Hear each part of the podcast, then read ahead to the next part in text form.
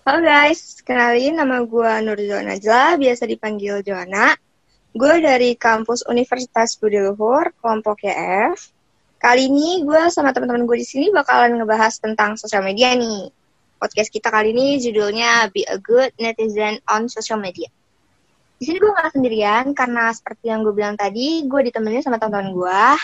Yuk, sebelumnya dipersilakan buat memperkenalkan diri. Ada siapa aja di sini?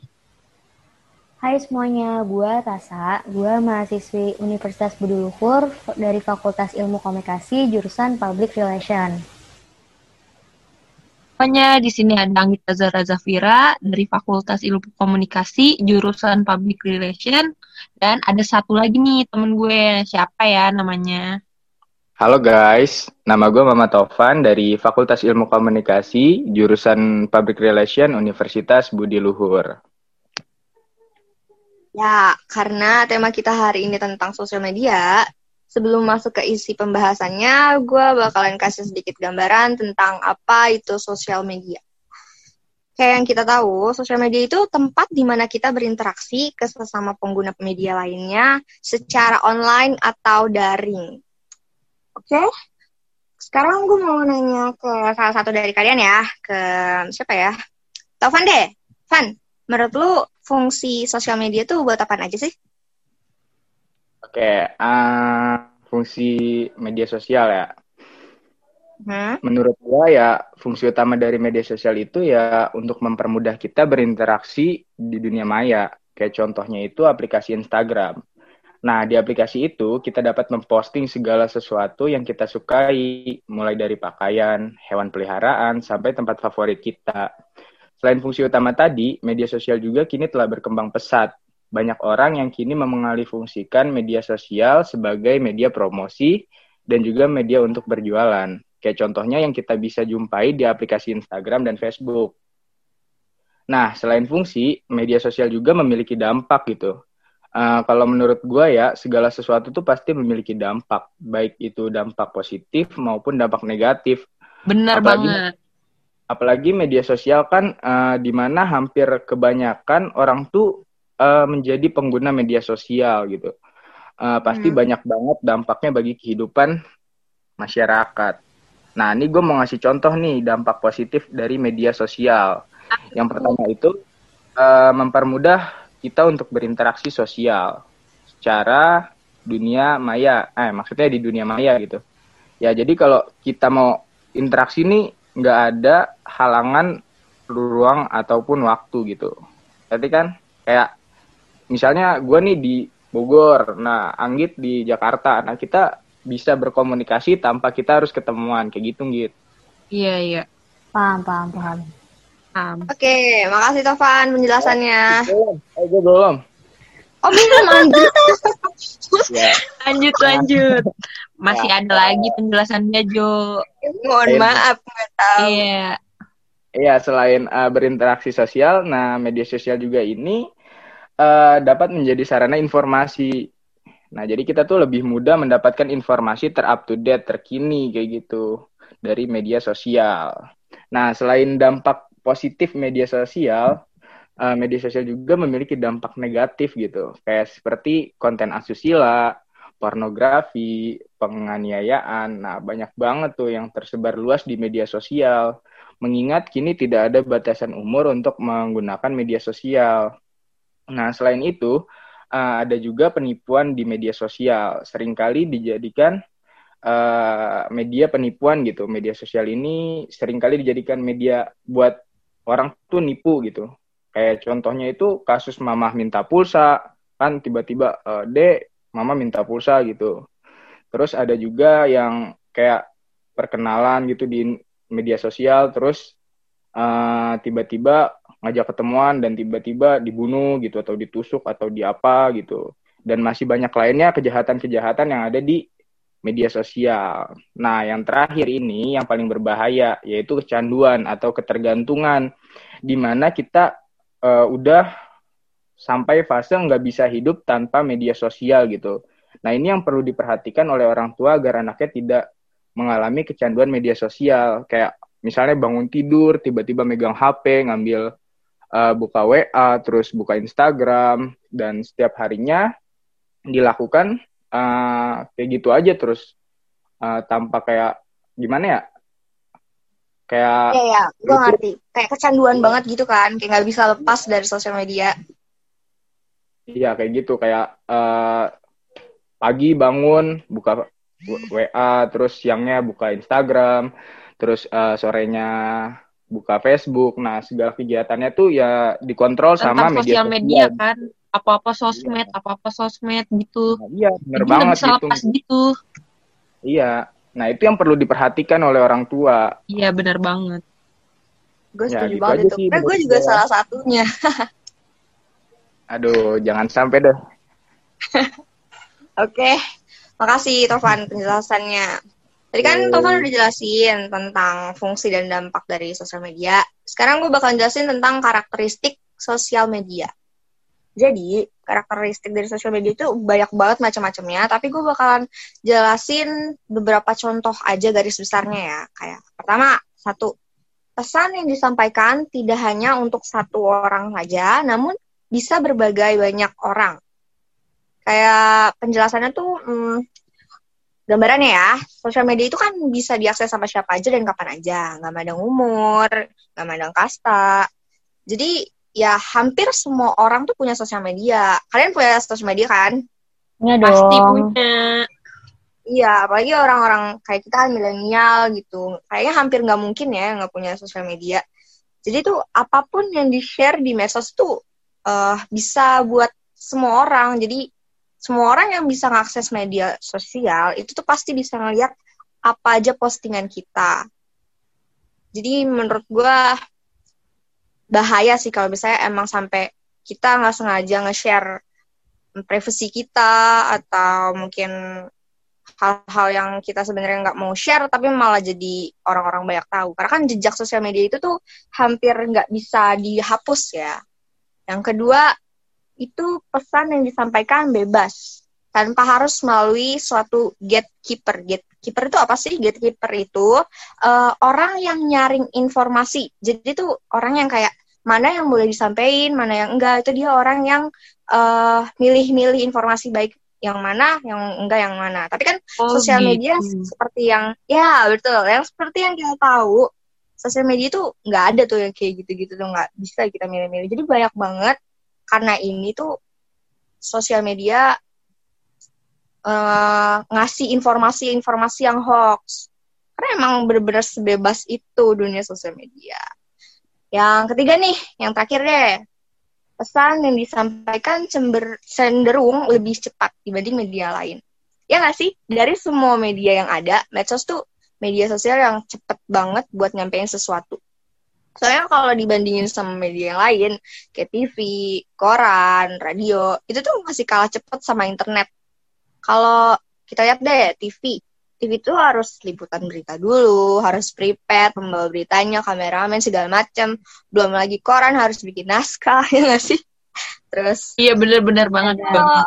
uh, Ribet banget deh. rekaman dulu lah segala macam. Iya, Kalau medsos tuh gampang banget, cuman tinggal ngetik di HP, terus semua orang juga bisa nge-share, bisa buka.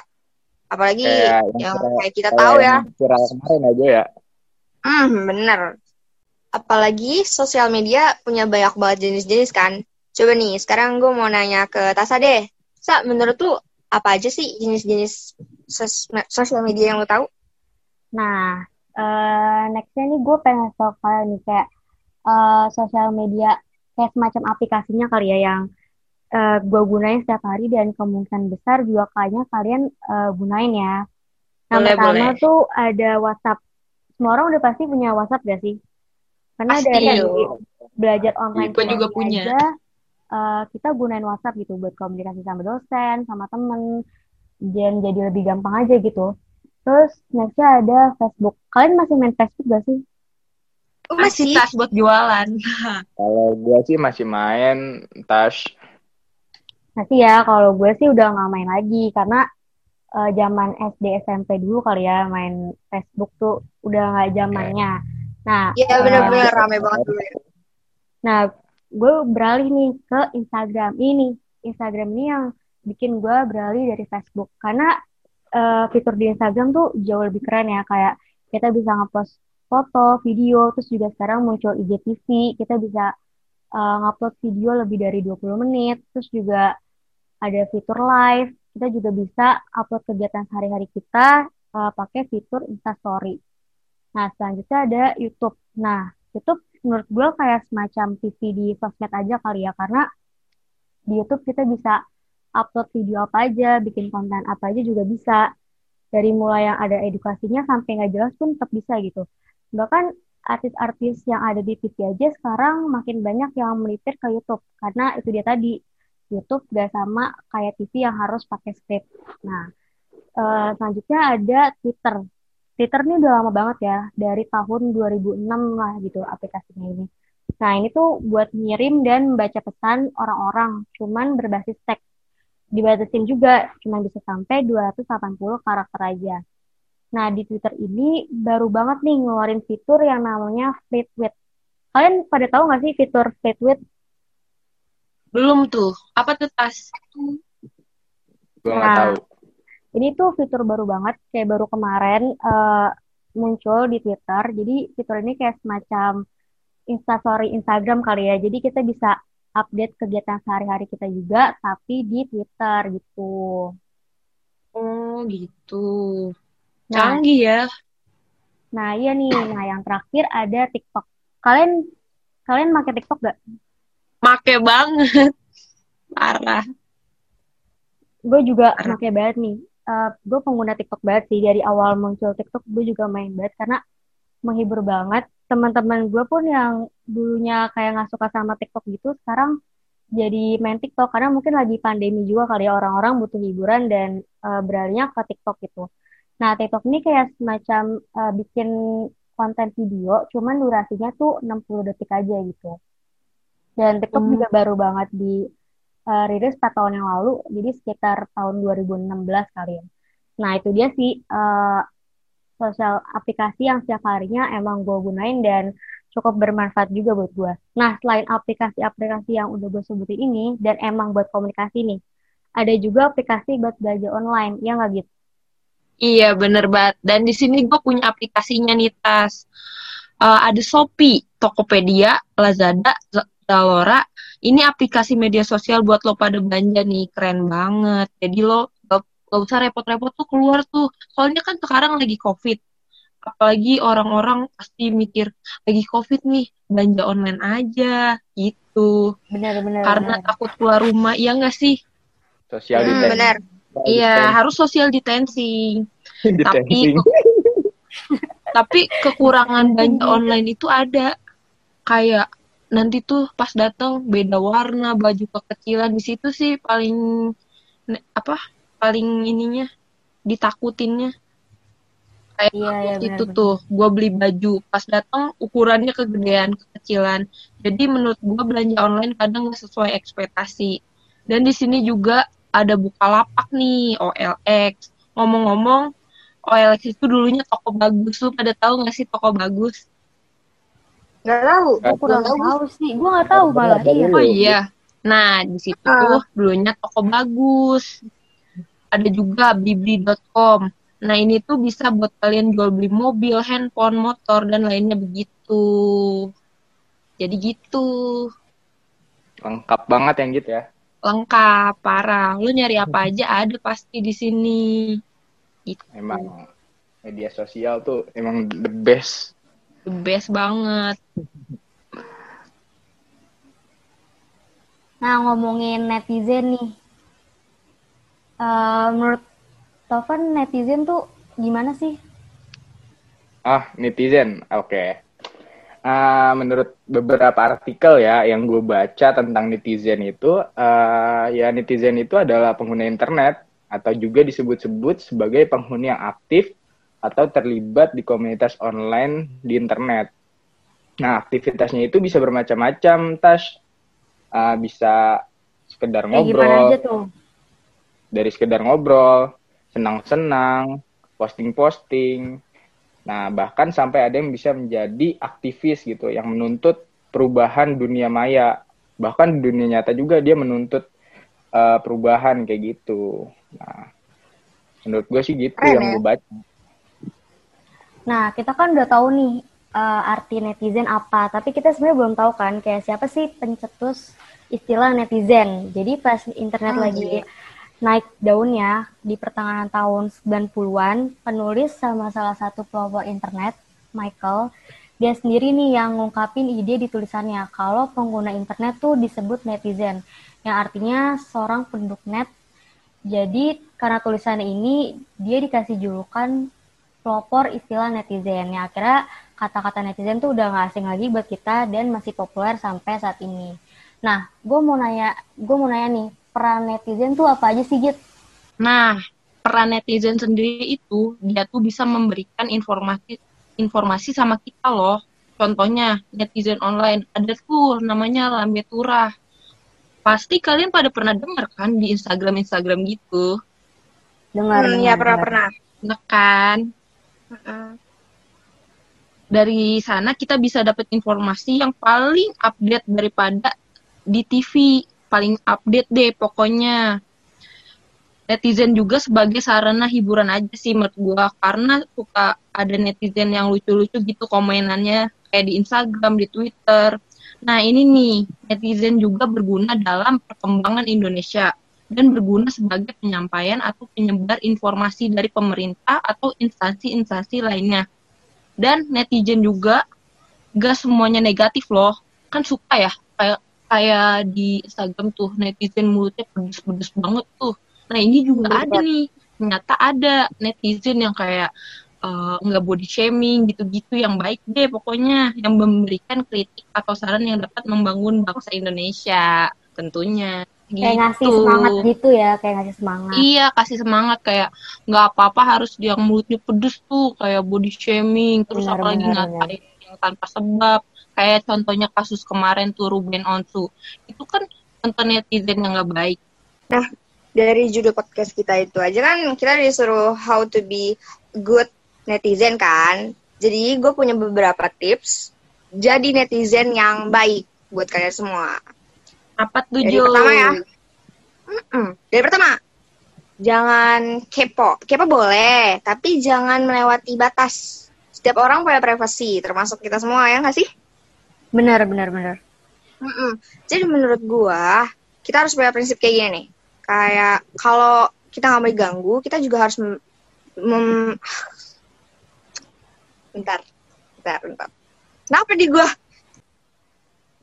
Nah, dari judul podcast kita hari ini aja tuh, be a good netizen on social media. Jadi gua bakalan nyampein beberapa tips jadi netizen yang baik buat kalian semua. Gimana tuh Jo? Oke, gue sampein yang pertama, kepo boleh, tapi jangan melewati batas. Setiap orang punya privasinya masing-masing, termasuk kita semua, ya kan? Ya, benar. Iya bener banget Jo. Kan kita nggak mau nih privasi kita disebar, jadi menurut gua jangan ganggu privasi orang juga, karena ya menurut gua kalau lu nggak mau diganggu, ya lu jangan ganggu orang lain, gitu deh. Pokoknya bahasa kasarnya. Yang kedua, nggak boleh eh, salah. Nggak semua hal tentang orang lain perlu kalian tahu. Atau bahasa kasarnya stop ngurusin urusan orang lain kalau dipikir-pikir juga ngapain sih kita sibuk ngurusin orang lain toh kita juga kadang Betul. sendiri punya banyak urusan kan jadi mending pergunain waktu kita buat ke arah yang lebih positif positif, positif aja poin yang ketiga ada menggosip itu emang asik, tapi jangan sampai merugikan orang lain. Contoh kecilnya aja deh. Kadang tuh kita kan sering ke bawah suasana lagi ngegibahin orang. Kita malah nggak sengaja kayak kasih bumbu-bumbu hoax gitu tentang orang yang lagi kita ngomongin. Itu sebenarnya nggak baik. Orang ngomongin aja tuh sebenarnya nggak baik, apalagi kayak ditambah-tambahin. Kan kasihan orangnya yang lagi dibahas jadi kayak kelihatan tambah jelek gitu martabatnya di mata orang lain. Itu juga Bener. termasuk suatu hal yang merugikan ya kan? Bener banget Bener banget. Jo. Hmm. tapi asik gitu ya. Yang keempat, jangan terlalu percaya sama berita. Kayak yang sebelumnya gue jelasin nih, sosial media itu kan luas banget ya jangkauannya. Jadi semua berita itu yang masuk ke internet, ya nggak nggak semuanya disaring, nggak tahu yang benar yang mana, mana yang salah. Jadi ada baiknya cek and recheck dulu kali ya. Jangan sampai kita kemakan hoax. Apalagi kalau kita udah sampai nge-share beritanya ke orang-orang, terus ternyata beritanya hoax, ntar ujung-ujungnya jadi malu-maluin diri sendiri. Dan yang terakhir nih, yang paling banget penting, ini tuh inti dari intinya lah pokoknya ya. Kelima, jangan asal berucap atau berkomentar kita harus pikir dulu apa dampak dari komentar kita. Komentar kita yang kita ketikin itu nyinggung orang gak sih, nyakitin orang apa enggak. Apalagi netizen ya, yang kita tahu sekarang tuh kan saya enak jidat tuh suka ngetik tuh jahat, jahat banget tuh gue kalau ngeliat tuh suka kesel sendiri. Apalagi banyak banget contoh-contoh orang yang udah bunuh diri karena cyberbullying. Contohnya kayak salah satu idol dari Korea Selatan yang namanya Suli. Kalau nggak salah dia tahun kemarin dia meninggal bunuh diri gara-gara ya cyberbullying dari haters-hatersnya. Kalau kayak gitu kan jatuhnya kita jadi ngebunuh orang lain juga kan. Iya, iya itu juga tahu tuh kasus ngebunuh. itu. Iya, bahaya banget kan. Cuman gara-gara ketika kita kita juga jadi malah secara nggak langsung udah ngakhirin hidup orang. Iya, parah banget. Ya segitu aja tips dari gue terus karena kita ngerekam ini juga udah malam banget ya kan kita semua butuh istirahat ya nggak sih? Benar iya benar jadi podcast sekarang podcast kali ini gue akhiri sampai sini dulu ya makasih banyak atas partisipasinya buat kalian semua Tasa Anggi Tovan makasih thank you Joan terima kasih ya, semoga podcast kita bermanfaat Iya. Semoga bermanfaat ya. Senang banget lo bisa ngobrol-ngobrol kayak gini. Share. Have a nice day. Bye. Bye.